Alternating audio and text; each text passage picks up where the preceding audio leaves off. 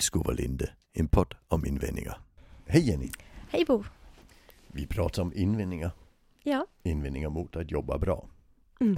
Tycker vi. Ja, andra säger väl invändningar mot att hålla på med det här humanistiska som vi sysslar med. Precis. Ja, några för de bemötande, vad vet jag. Mm. Mm.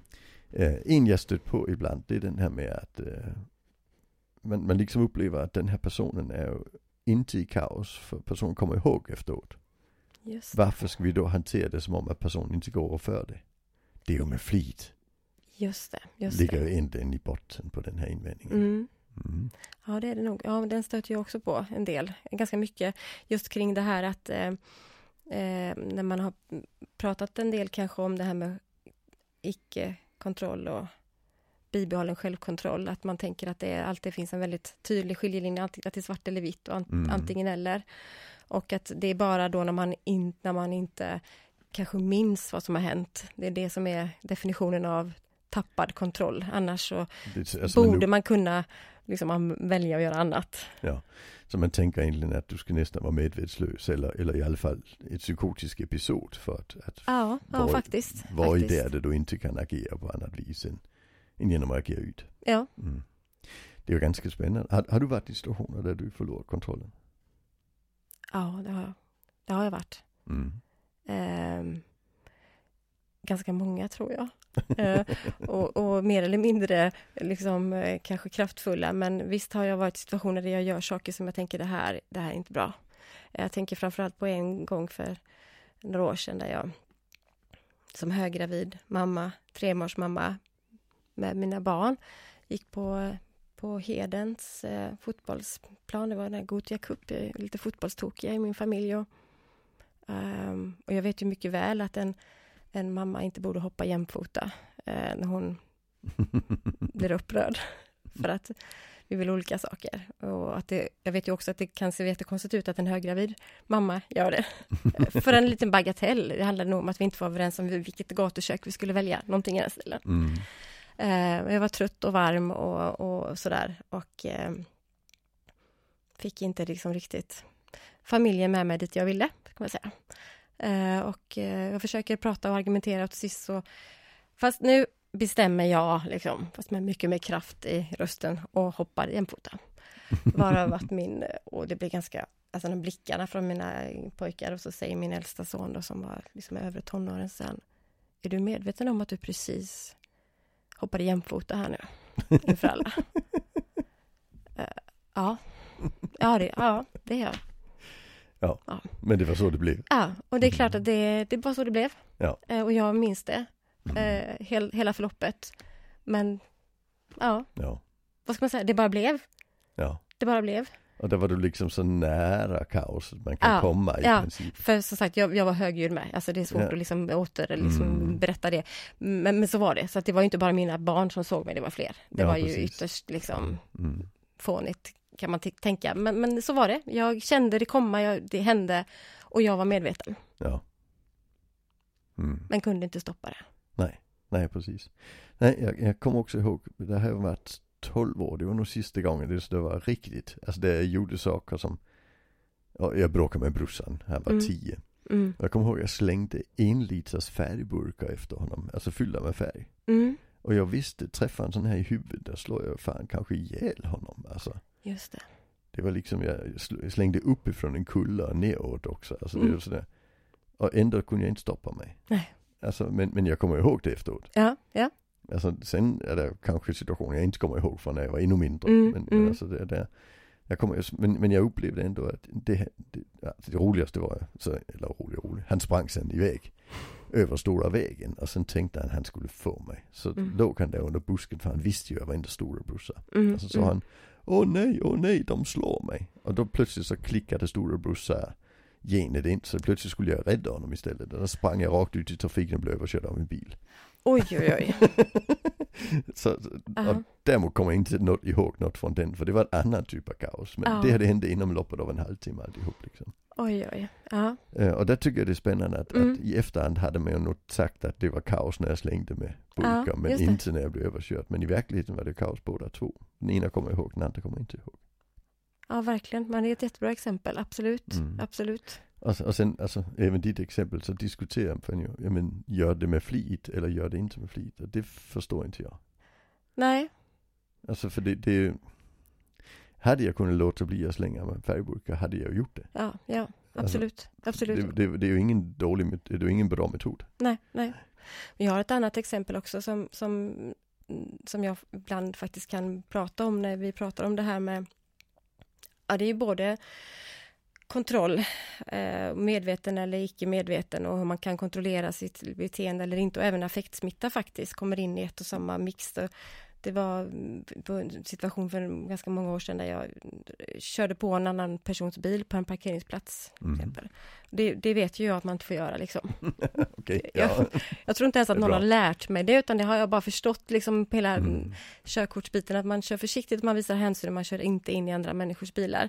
Så det, det har jag inte behövt prata om efteråt heller, det visste jag redan innan, men jag kommer och kör in eh, på en liten parkeringsplats och eh, eh, har mina barn med mig, de är stackars barn, har jag nu var med där baksätet och jag kör in försiktigt, försiktigt och gör mitt allra bästa. Och så händer någonting, bilen gör ett litet skutt och kör in i, i den här bilen som jag har på, på, på vänster sida av mig. Och liksom precis exakt i samma stund som jag hör, för det gick ju långsamt, men det, hör, det blir ju ändå plåt mot plåt ljudet. Mm. Och det här var precis parkeringsrutan eh, vid eh, dörrarna till det här supermarket som jag skulle åka Okej, och fredagshandla. ja. Mm, ja. Mycket folk. Precis samma stund som ljudet från plåten eh, liksom hörs så tittar jag ju upp också där mot de här dörrarna och där ut kommer ju en man. Och det var ju Mm. såklart hans bil jag körde Ja, på. Ja. Ja. Och han var så nöjd innan. Han var så glad, han hade handlat redan. Två kassar fulla med mat och han ser ganska avslappnad och nöjd ut. Tills han hör det här ljudet och tittar upp och får syn på mig då. Mm. Och han ställer ner kassarna och formar sitt ansiktsuttryck till, ja, vad i Mm. gör du? Mm, vrålar han. Och jag minns det och jag vet vad jag gjorde och vet vad jag sa, men det bara hände. Jag reagerade instinktivt, öppnade dörren och ropade till honom. Tror du jag gör det med mening eller? Och det är också liksom någonting som jag vet, det är inte liksom, Mm. det är inte korrekt sätt. Nej. Eh, men jag blev smittad av hans eh, uttryck troligen Ja. och kände mig dum och det blev bara, det blev liksom bara, det bara, det blev, för mig var ju det kaos. Sen går inte det att jämföra med det kaos som våra liksom brukare eller klienter upplever, men det, det, en kort, kort, kort stund så känner man ju på sig där det bara liksom, Men man reagerar. man bara reagerar. Ja. Mm. Och det som händer efteråt är ju ganska, är väldigt avgörande där. För Mm. hans agerande blev ju väldigt avgörande för hur det faktiskt blev de närmsta Mm. minuterna. Jag blev liksom beroende av hans agerande där. Ja. Vilken riktning han väljer liksom där och då. Mm.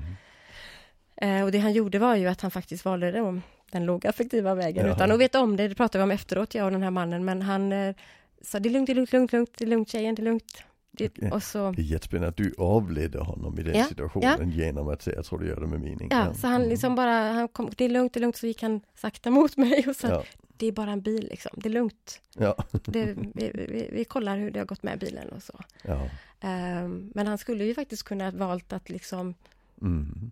Bli ganska uppfostrande där egentligen. Alltså Oh, vet ja. du inte hur man kör och har du inte lärt dig parkera och Mm. ehm, det har blivit ett helt annat eh, samtal om inte annat de Ja, närmsta absolut. minuterna mellan oss. Ja, precis. Ja, Det är ju jag, jag tycker det är jättespännande. För, för just det här med att vi, alltså, det är inte bara kaoset här vi är inne i nu. Vi är inne i den här föreställningen om, om, om man gör det med flit. ja faktiskt. Alltså för det är ju den som hela tiden spelar in när vi Ja. diskuterar kaoset tycker jag. Och, och tänk då om jag hade liksom varit beroende av människor som stöttade mig i vardagen så skulle det här kunna faktiskt vara någonting som skulle föranlett till att vi behöver nog ha en plan. Kan hon ens vara ute på en parkeringsplats Mm. med det? Alltså, Ja. eller hur? Ja. För så får man ju inte bete sig. Ja Vi precis. kanske hade behövt prata om det. Ja. På, liksom, och vara säkra på att gör aldrig om det här. Ja. Och jag vet inte om jag skulle kunna lova det, att jag aldrig någonsin kan reag- skulle reagera så Nej. igen. Alltså jag tycker det är spännande för vi, vi pratar inte en reaktion. Mm. Alltså vi, vi, man kan ju reagera eller man kan agera. Mm. Alltså så tänker jag. Precis. Och jag tänker när, när vi reagerar det är ju större risk att vi blir ogenomtänkta. Än när vi det. agerar kan man säga. Just det. Och, och det är ju därför vi gärna vill, vill förhålla oss till att, att när personen är upp i, upp, på väg upp i affekter sen börjar agera. Mm, Där, där, där kan man ju agera för att avleda sig själv eller för att hitta en strategi. just det. Men så fort vi kommer in i att vi är fler stycken här, då blir det ju bara en reaktion. Mm, mm, Eh, Och där är det ju ofta att kaoset är nära liksom. just det. Och, och, Det tycker jag är skitintressant. mm, Att man, att man skiljer på reagera och agera ut till exempel. mm, Därför att man får, alltså det är ju mänskligt att bli arg och att få känslor och bli Mm. irriterad också. Att man måste få utrymme, alla människor oavsett om man är eh, bor på en gruppbostad, servicebostad eller om man är en elev i en skola eller vad nu är, så måste man ju få lov att faktiskt uttrycka sin, sin, sitt missnöje och sin, sina känslor. Alltså det är ju Mm. inte, det måste vi ändå vara liksom beredda på och ha, att det ha- kommer och, att hända och, och liksom ha en Mm. plan för hur vi ska eh, eh, bemöta det. Så att det är ju Mm. liksom inte bara antingen ingenting alls eller alltså kaos, utan det är ju att man verkligen Mm. förstår hela det där. Och att det är vårt agerande, omgivningens agerande som avgör många gånger Ja. hur kraften i det blir. Ja, alltså dels har vi ju effektsmittan om vi går in i, i när personer är på väg upp i varv. Om vi Mm. går med i varvet och Mm. med i stressen, då blir Mm. det ju, då, då boostar det ju alltihop. Mm, Eh, Den ena delen, den andra delen är att våra handlingar kan ju också eskalera situationen. mm, Jag blir jätteförvånad när folk ställer krav när en person är på väg upp i varv och håller på att förlora kontrollen. Så säger personal, nej nu får du gå in till dig själv. Alltså mm, det är ju ett jättekrav Mm. i den situationen. mm, Och då blir vi ju förstärkande på det också. mm, Det är spännande. Jag tänker den här frågan vi börjar med, alltså den här med att eh, han kommer ihåg efteråt, så han, Ja. han är ju egentligen ansvarig för sina handlingar. Den, den, den tycker jag egentligen är spännande för det att den bygger lite på att vi är ansvariga för våra handlingar när vi är medvetna, Mm. men inte när vi är i kaos. Och där har man väl bara kommit halvvägs i tänkandet. Ja, jag tänker så också. Jag tänker så också. Mm. Ehm, därför att jag tänker att, och då tror jag kanske att man inte riktigt heller har kommit åt väldigt mycket av vad det handlar om. Dels med att förstå alltså vad stressen gör med oss människor. Där är vi ju Mm. alla väldigt lika på något vis. Att, Mm. att, det är ju den som gör att vi, alltså, som att vi, att vi, reagerar, att vi reagerar faktiskt. Ja, det är stress oftast. Ja, det är ju, Mm. det är ju stressen som, som kickar in och liksom påverkar valen eller vad vi Mm. har för liksom olika möjligheter att välja just där och då i stunden. Ehm, så att... ehm, och kaoset är ju egentligen... Det är klart att det, det är när, när när stressen blir maxad, men, men jag tror att det... Kommer vi, bara, kommer vi åt det här och börja prata lite grann om de här nyanserna kring att det inte bara är antingen har man kontroll eller så har man inte kontroll och kaos är bara när man inte minns efteråt.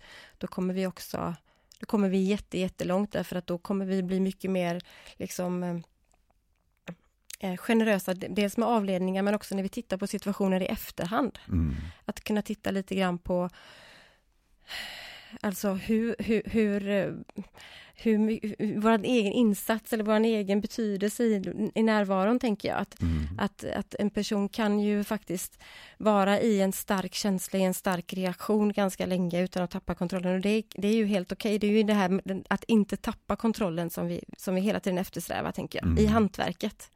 Ja, ja, det, det, det är ju en del av arbetet också. Ja. Ja, och där kan ju en sån, sån liten sak som att vi är ett steg närmre eller en blick på en person Mm. som är sådär liksom på gränsen mellan att jag har, alltså, har, inte har förlorat självkontrollen men ändå inte liksom kunna komma ur den max- maxade stressen. Mm. Det, det, är, det är ju det som avgör.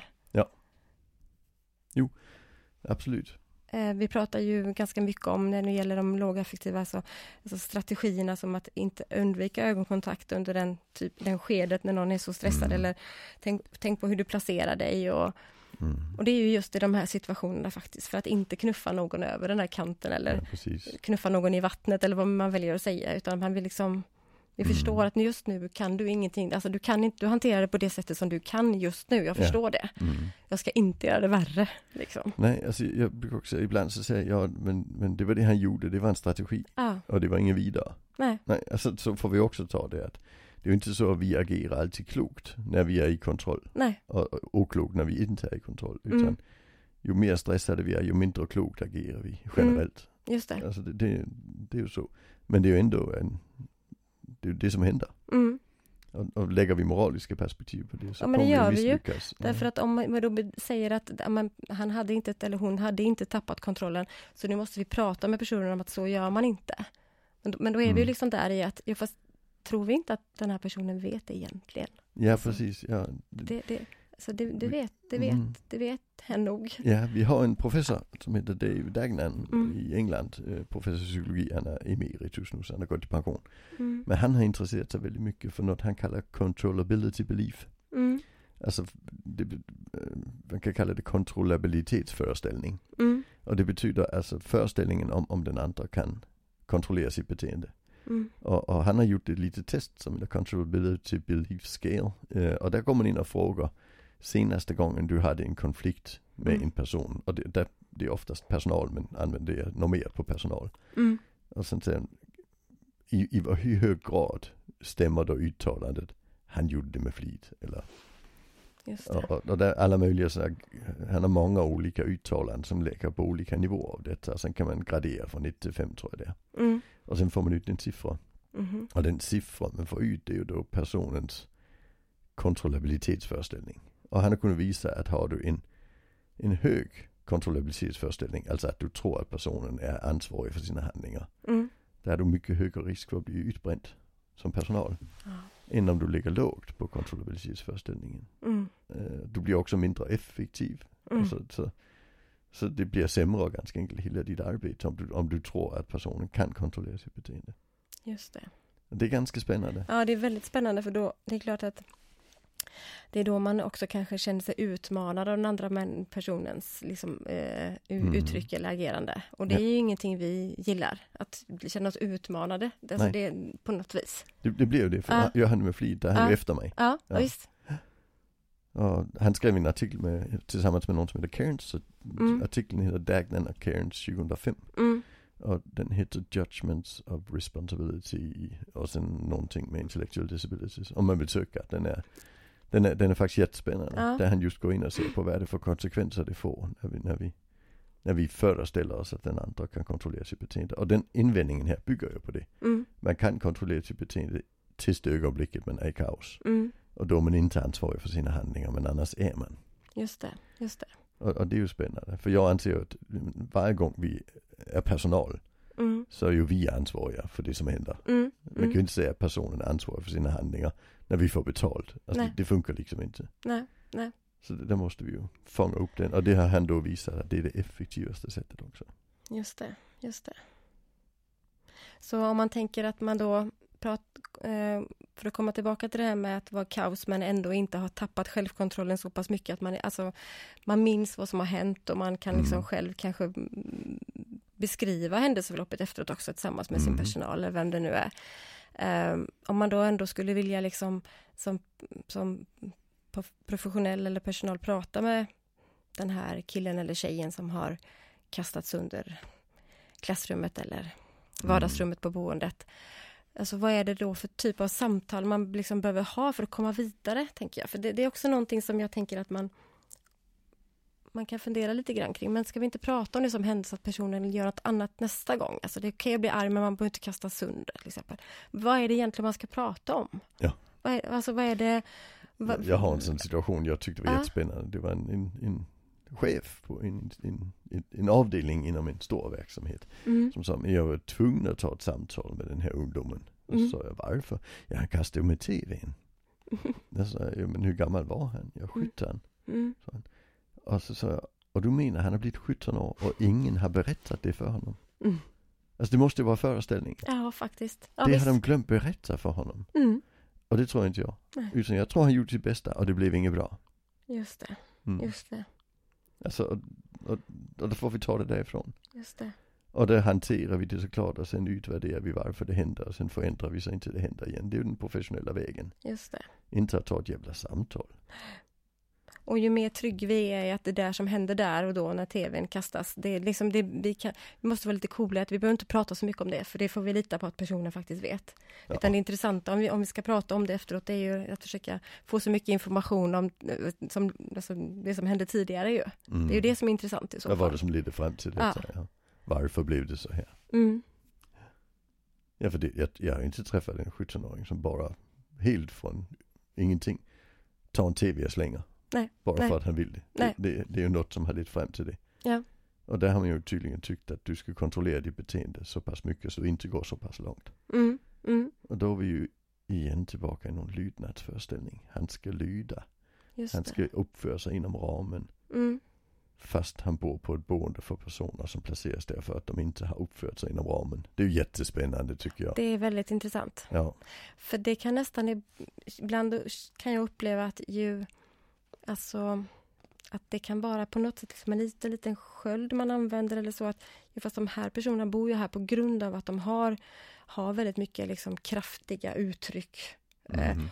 Och då, då, då måste vi ju liksom verkligen prata om det varje gång efter det har hänt. Precis som att det, ju mer, alltså, Alltså, ja, jag har till och med träffat folk som har fått flytta därifrån för att de hade sådana utbrott som gjorde att de fick flytta in. Ja, just Ja, det. det, Just det. det. det blir ju lite spännande. det. Som om vi tror att när han flyttar hit då kan vi få Ja. honom att sluta. Mm, ja, Och kan vi inte det, då får han flytta ut igen. ja. Och, och då har vi ju helt missförstått uppdraget. Mm. Och där tänker jag, vilket... Det finns ju... Jag tänker på en flicka som, som faktiskt... Eh, eh, som bodde på, på en, eh, en eh, avdelning, en låst avdelning. Där hon inte hade så stor möjlighet att, att, eh, att påverka sin situation och där hon i ett brev formulerar eh, Hur länge ska jag vara här? Om de tror att jag aldrig ska bli arg, Mm. då har de fel. Då har de missförstått något. Ja. Och det är något av de, alltså det, det är så starkt. De, liksom, de Mm. två meningarna är väldigt, väldigt starka och de Ja. tycker jag säger väldigt mycket av vad vi aldrig någonsin får glömma bort. Mm. Det här var en, en tonårstjej. Som har förstått att jag kommer att bli arg, jag kommer att reagera. Mm. Är det det som man liksom vill få bort, Ja, eh, då har man fel. Ni har fel. Jag kommer bli arg. ja. Eh, och det tycker jag är ganska skrämmande. Därför Mm. att, för att ehm, ja, Och där ska man ju veta att de allra flesta på de här låsta avdelningarna är ju inte dömda till att vara där. De är bara placerade där Mm. eh, enligt LVU och där har en domare tagit beslutet att ja, det är okej att köra igång med de här mm, enormt kraftfulla begränsningsåtgärder. mm, Att man ska vara bakom galler och man ska vara på en rastgård som är totalt Det är till och med eh, galler där uppe på Mm. rastgården. För det att vi måste få det att lyda. Just det. Det är ju ofta det det handlar om. Ja. Och så utsätter man de här eh, människorna då för krav som, som, är helt, som är helt orimliga att leva upp till egentligen. Ja, i förhållande till vad andra jämnåriga skulle leva Ja, upp till. ja. Mm. Och så skapas, och så plussas det nästan på då istället på list, med listan på beteenden som man behöver liksom jobba bort på något vis. Det blir, det blir Ja. liksom orim, orimligt på något vis. Jo, jag kan leva med att vi som samhälle dömer folk till, den typen av insatser. Mm. För det att annars skulle samhället lösa det genom medborgargarden och så. Det blir inte bra. Nej, Men jag har jättesvårt att leva med att, att alltså, vi, vi har tusen platser, ungdomsvårdande platser i Sverige. mm, Eh, och vi har 50 platser som tas upp av de som är dömda. De 950 det är folk som är placerade. ja just det. Men de Just har, det. de har samma restriktioner som de som är dömda. Det är lite skrämmande. Mm, mm. Ja men det är det och där, där blir ju så extremt viktigt att man förstår stress, man förstår liksom skillnaden mellan agera ut och reagera mot Ja. liksom olika typer av situationer och, och, och känsla som man liksom brottas med. Jo men också att man, man förstår att, att det kan aldrig vara en, en, ett pedagogiskt uppdrag att få unga människor att lyda. Nej, Det måste, vi måste få unga människor att vara självständiga. mm, Ta bra beslut i sina liv. mm, Och då måste de ges, ges möjlighet att träna det i en, i en bra ram liksom. mm, mm, Men får vi dem att lyda och sen släppa ut dem. Mm. Då är det mycket, mycket större risk att de hamnar i fel mm, sammanhang. Där Mm. lydnad är en, en faktisk faktor. Det är det ju gängsammanhang. just det. Det är det enda stället vi får vuxna att lyda i samhället. Det är inom gängen. Mm, Så det är synd. mm. Men men, det var lite utanför ämnet i och för sig. Ja, det glider vi iväg lite grann. Ja, Men, men, Men, ehm, men, men det är viktigt just, just i den föreställningen om lydnad som ligger bakom föreställningen om att är man inte i kaos då är man ansvarig. Ja, och faktiskt att man, tänker jag, att om man inte har tappat kontrollen, om man inte är fullt i kaos, och det man då gör, att det också finns en risk att man, att man eh, bedöms vara liksom att, en, farlig, en farlighet, alltså en, en, ett samtal om den här personen gör det, med, liksom, gör det med flit och ha- hade kontrollen och det var liksom, det var inte tappad kontroll, det var inte fullt Mm. kaos. Så det här är liksom ett farligt beteende. Ja, Eh, det tänker jag liksom också finns en risk med i det här ju. ja. Ehm, Och, och där har vi ju i samhället i stort att, att eh, den- den som gör saker i full kaos är risk att hamna inom rättspsykiatrin. mm, Och den som gör det lite med flit hamnar i finkan. Mm, Så det är den uppdelningen också där. just det. Farlighet just det. kan vara, det kan vara farligt båda delarna. Mm, Men, men vi är olika rädda för de olika delarna Mm. kan man säga. Det är, och det är olika typer av rädsla som finns i samhället. mm, mm, Det är ju också spännande. mm. Det var mycket ett samtal om föreställningar. Tack så mycket. Tack så Tack. mycket.